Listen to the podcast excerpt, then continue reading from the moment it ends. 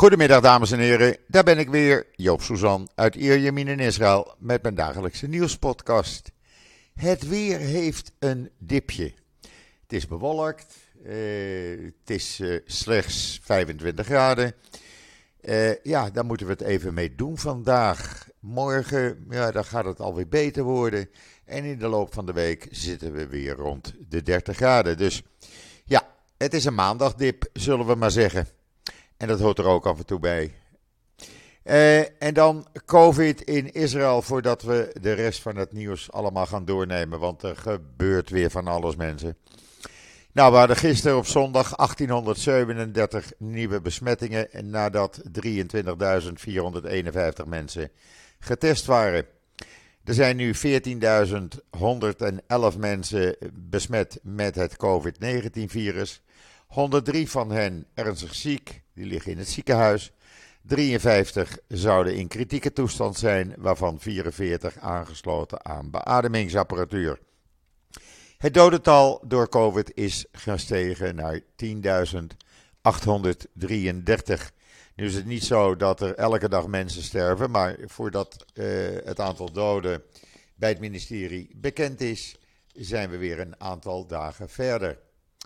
En dan even over dat apenpokkenvirus, uh, wat is uitgebroken. Ik kreeg van allerlei mensen op mijn timeline te horen van Joop, uh, er is zo'n paniek hier. En meneer Kuipers die heeft het tot uh, een ernstige epidemie al verklaard of iets dergelijks. Nou, hier in Israël zegt men gewoon, mensen kalm blijven, er is niks aan de hand. We hebben één, blijkt achteraf één uh, iemand die besmet is met dat pokkenvirus. Of dat apenpokkenvirus. en uh, ja, er waren twee verdachte gevallen nog. En dat blijken geen uh, virusinfecties te zijn. Dus ja, het gaat om die ene man die uit Europa terugkwam. en die dus besmet is met dat apenpokkenvirus.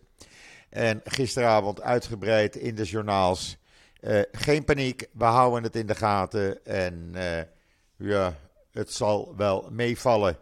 Dus laten ze dat in Nederland ook maar doen, zou ik dan zeggen. En dan, ja, gisteren, uh, eind van de middag, gisteravond, werd het bekend. Vijf kogels maakten een einde aan het leven van de kolonel van de Iraanse Republikeinse Garde, de Al-Qaeda-brigade ene meneer Ghassan Sayed Kodayari. Meneer Ghassan uh, Sayed die kwam uit, uit de poort van zijn huis gereden. Uh, daar kwamen toevallig twee in het zwart geklede mensen op een motor langs. Die stopten even, die schoten vijf kogels op hem af met een geluidsdemper. Een wapen met geluidsdemper. En meneer was er niet meer. Uh, dat gebeurde om, zes uur, om vier uur uh, Teheran-tijd. Schutters zijn ontkomen. Er is een klopjacht gaande. rapporten die spraken meteen van hij is een verdediger van het heiligdom. Hij heeft veel operaties in Syrië en Irak uitgevoerd binnen de elite Quds Force van de Republikeinse Garde. Die toezicht houdt op operaties in het buitenland. Hier in Israël werd bekendgemaakt dat deze man uh, ja, achter de acties zat om Israëlische zakenlui en Joden wereldwijd te gaan ontvoeren en om zeep te brengen. Dat was het plan waarop hij, uh, ja, wat hij eigenlijk gemaakt had. Uh, het is aannemelijk, zegt men hier, dat hij de man van het Iraanse complot was die de Israëlische zakenman Teddy Sagi, biljonair, eh, of een miljardair eh, moet ik in het Nederlands zeggen, Teddy Sagi op Cyprus eh, wou ombrengen. Eh, en ook eh, zakenlui, Israëlische zakenlui in Afrika, Zuid-Amerika en Turkije wilde ontvoeren en vermoorden.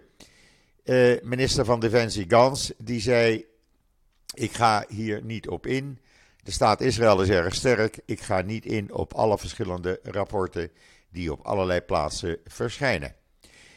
Uh, ja, nou, daar moeten we het dus even mee doen. U kunt het hele verhaal met foto's, die een beetje schokkend zijn, eh, lezen op uh, israelnieuws.nl, waar u ook kan lezen dat de Iraanse president Raisi vandaag, maandag, gereageerd heeft op deze moord. En aandringt op een serieuze achtervolging van de moordenaars. Maar wij zullen het wraak van deze wij zullen het bloed van deze grote martelaar wreken. Er is geen twijfel dat de hand van de wereldwijde arrogantie te zien is in deze misdaad, zei hij er nog bij.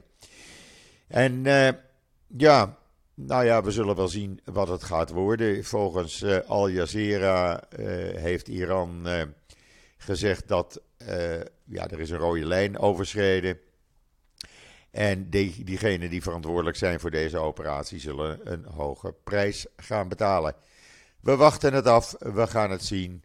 Uh, het is niet de eerste keer dat een hoge commandant van de revolutionaire garde in uh, Iran om zeep is gebracht. Uh, de afgelopen nacht, ja, de IDF gaat elke nacht door. Opnieuw elf terreurverdachten gearresteerd. Er zijn wapens gevonden. Gebeurde allemaal in verschillende dorpen in Judea en Samaria. Uh, ja, men heeft gezegd na al die aanslagen, we gaan het hard aanpakken. Nou, dat gebeurt.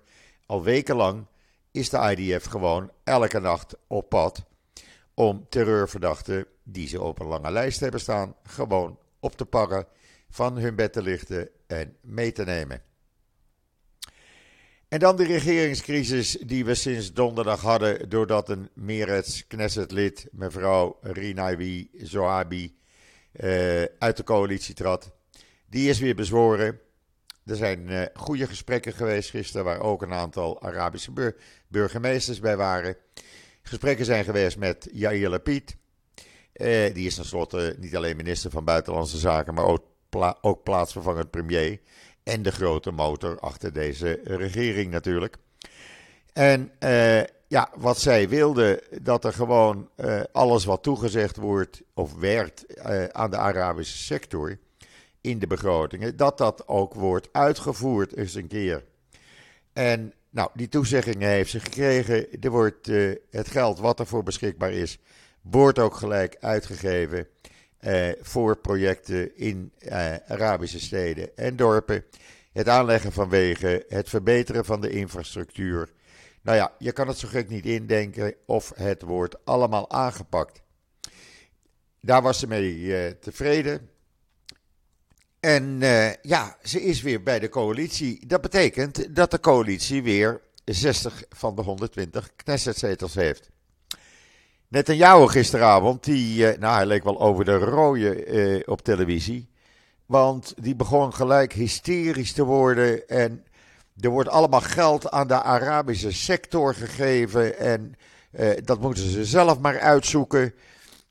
alles gaat naar terreur toe.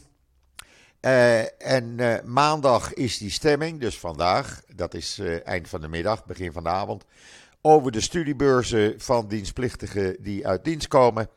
Uh, wij willen 100% geven en uh, het geld uh, wat er voor nodig is, dat gaat allemaal naar Arabische terroristen.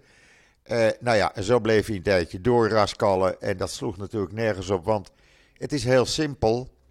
66% wordt betaald door de overheid, daar wordt over gestemd. Dat is die wet die vandaag in stemming komt. 34% wordt bijgelegd door de IDF. Dat ligt al vast. Dus ze krijgen 100%.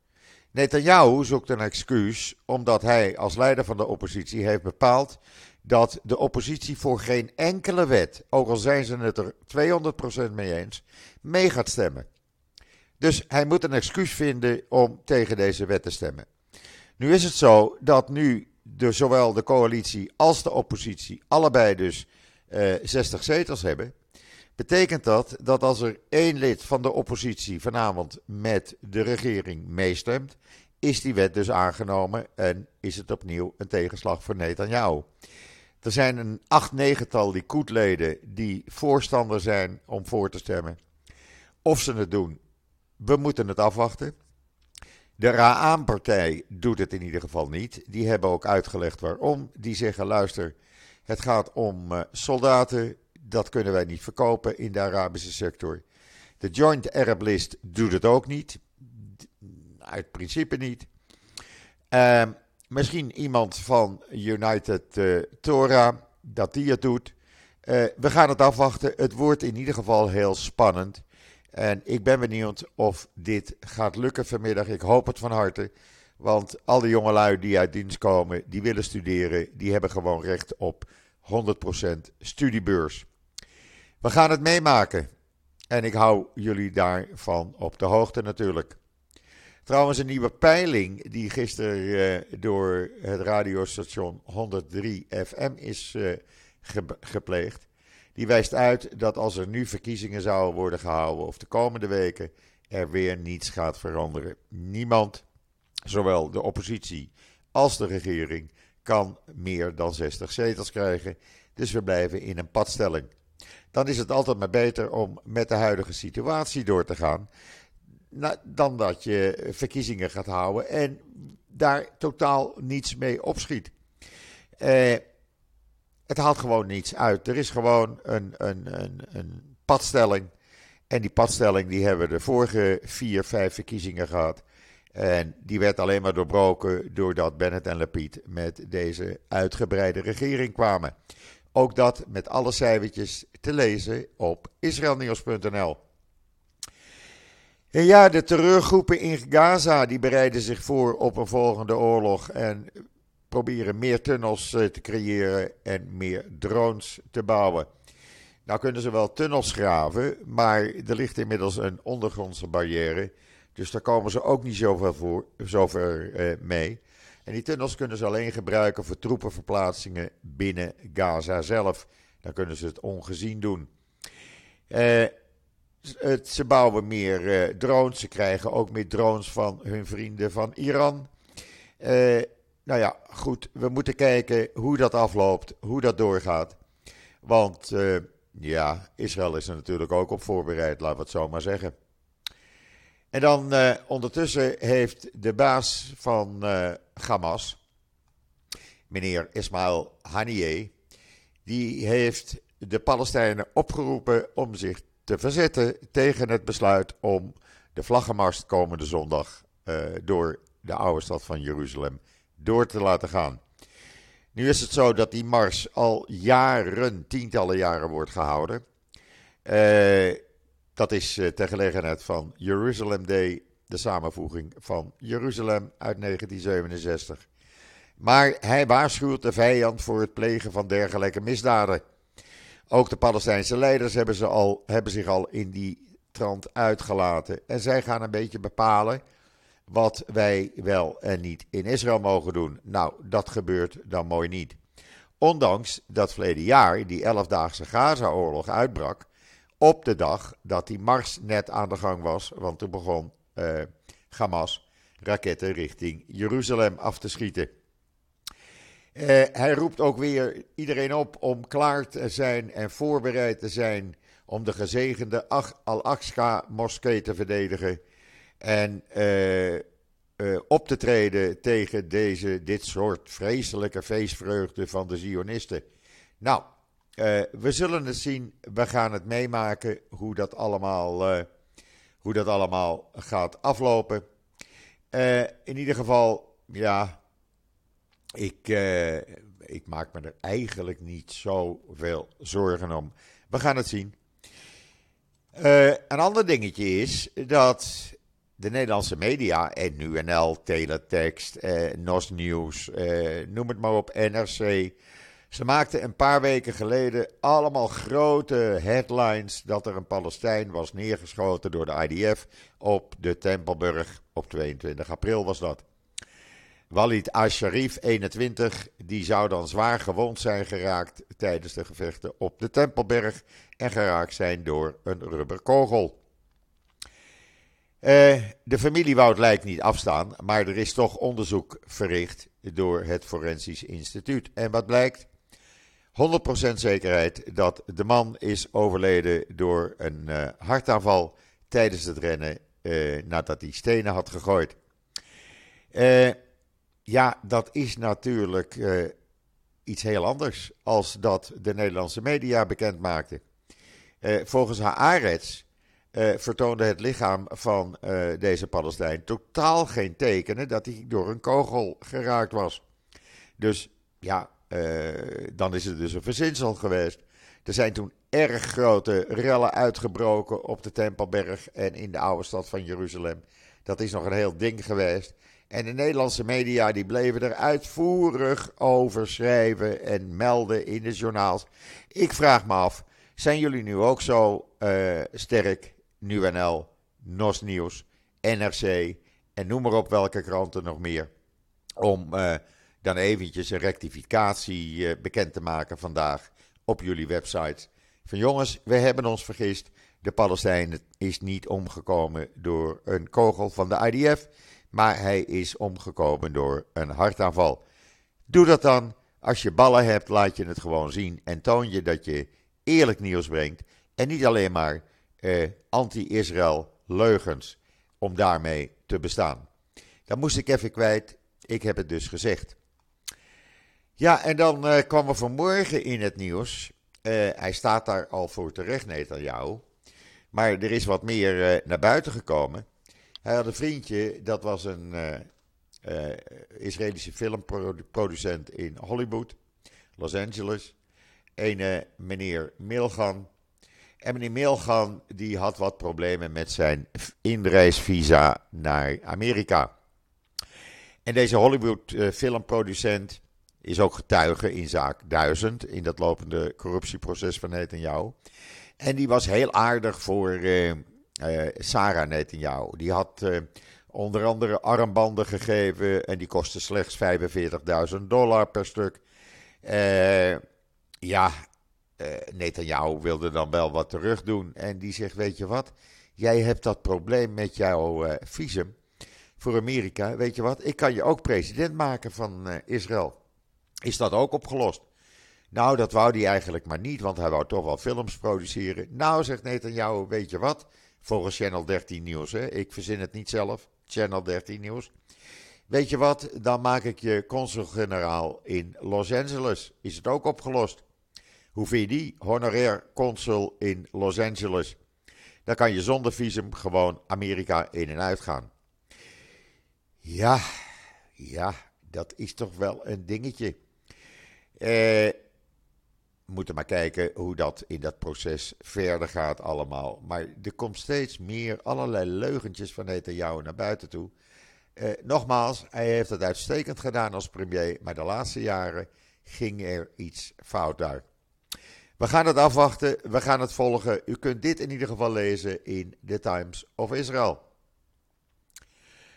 Uh, ja, die, uh, die uh, studiebeurs dan. Hè. Uh, de kranten schrijven er hier ook enorm veel over. Er zijn demonstraties op dit moment bij de Knesset gaande. dat ja, de studenten of de aankomende studenten zeggen: luister, wij zijn geen politici, wij zijn wars van politiek. Geef ons gewoon die studiebeurs. ik denk dat die druk op de oppositieleden erg groot gaat worden ik vind het een, uh, ja, ik blijf het een heel spannend uh, dingetje vinden. En dan uh, meneer Erdogan. Ja, ik zeg maar even zoals het is, mensen. Maar hij schijnt elke nacht een natte droom te hebben. Ja, sorry voor de uitspraak. Maar zijn natte droom is een gaspijpleiding met Israël. Ja, echt hoor. Hij wordt er gillend van wakker s'nachts. Hij wil die gaspijpleiding graag met Israël aanleggen. Dat kost uh, eh, 6 miljard of zo. Amerika is erop tegen. Hier in Israël zeggen de experts, nou dan gaat die werken, dat is een luchtkasteel. Uh, nee, dat wordt hem niet. Uh, maar Erdogan wil kosten wat het kost dit doorzetten. Nou, dat gaat natuurlijk niet gebeuren, want hij denkt, dan kan ik lekker verdienen aan het Israëlische gas als het naar Europa gaat. Te lezen in Times of Israel. Ja, dan hebben we nog een dingetje sinds gisteren. Een lage rechter heeft gezegd dat uh, Joden die op de Tempelberg lopen, die mogen bidden. Nou, dat is natuurlijk weer tegen het cerebeen van alle terreurgroepen, tegen de Palestijnen. Jordanië is pissed off. Dat zal wel eerdaags weer teruggedraaid worden door een hogere rechter en uiteindelijk het Hoge Rechtshof. Want het was altijd de status quo en er werd altijd gezegd: jongens, niet bidden en geen Israëlische vlaggen. Dan houden we de rust op de Tempelberg.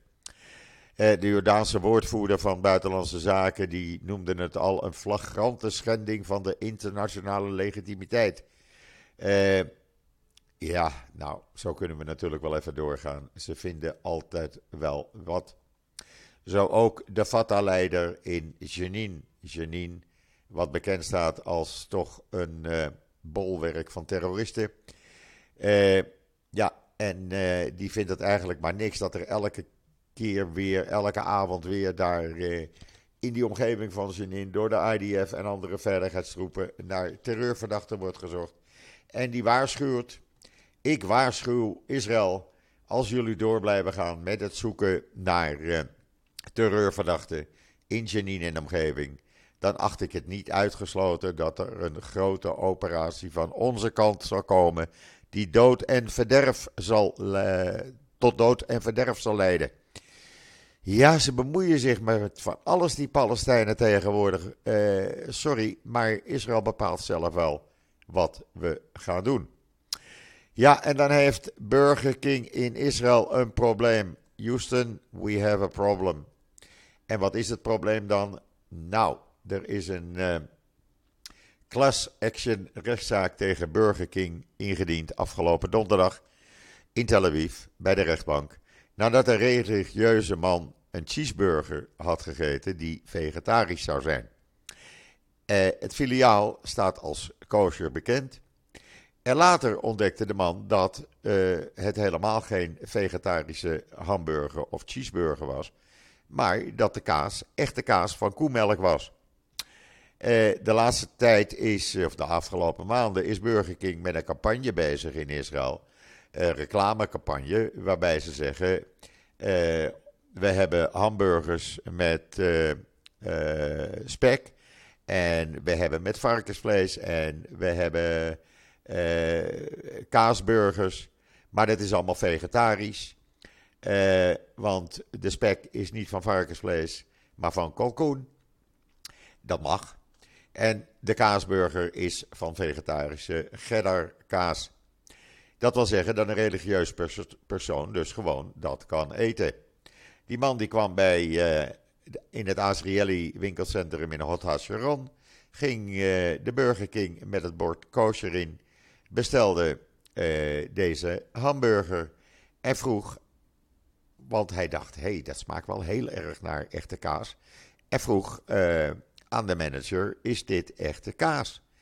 Want ik heb een vegetarische hamburger gekocht. En dan kreeg het als antwoord, nee hoor, het is gewone kaas. Nou, de man in shock natuurlijk.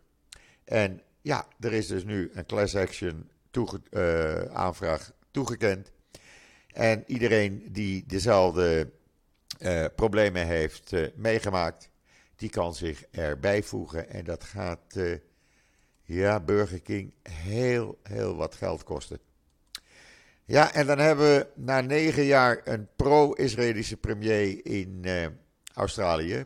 Sinds gisteren een wel heel kritische premier op Israël in Australië een linkse, de linkse Labour-partij heeft uh, gewonnen. Heeft alle opgeroepen tot erkenning van een Palestijnse staat.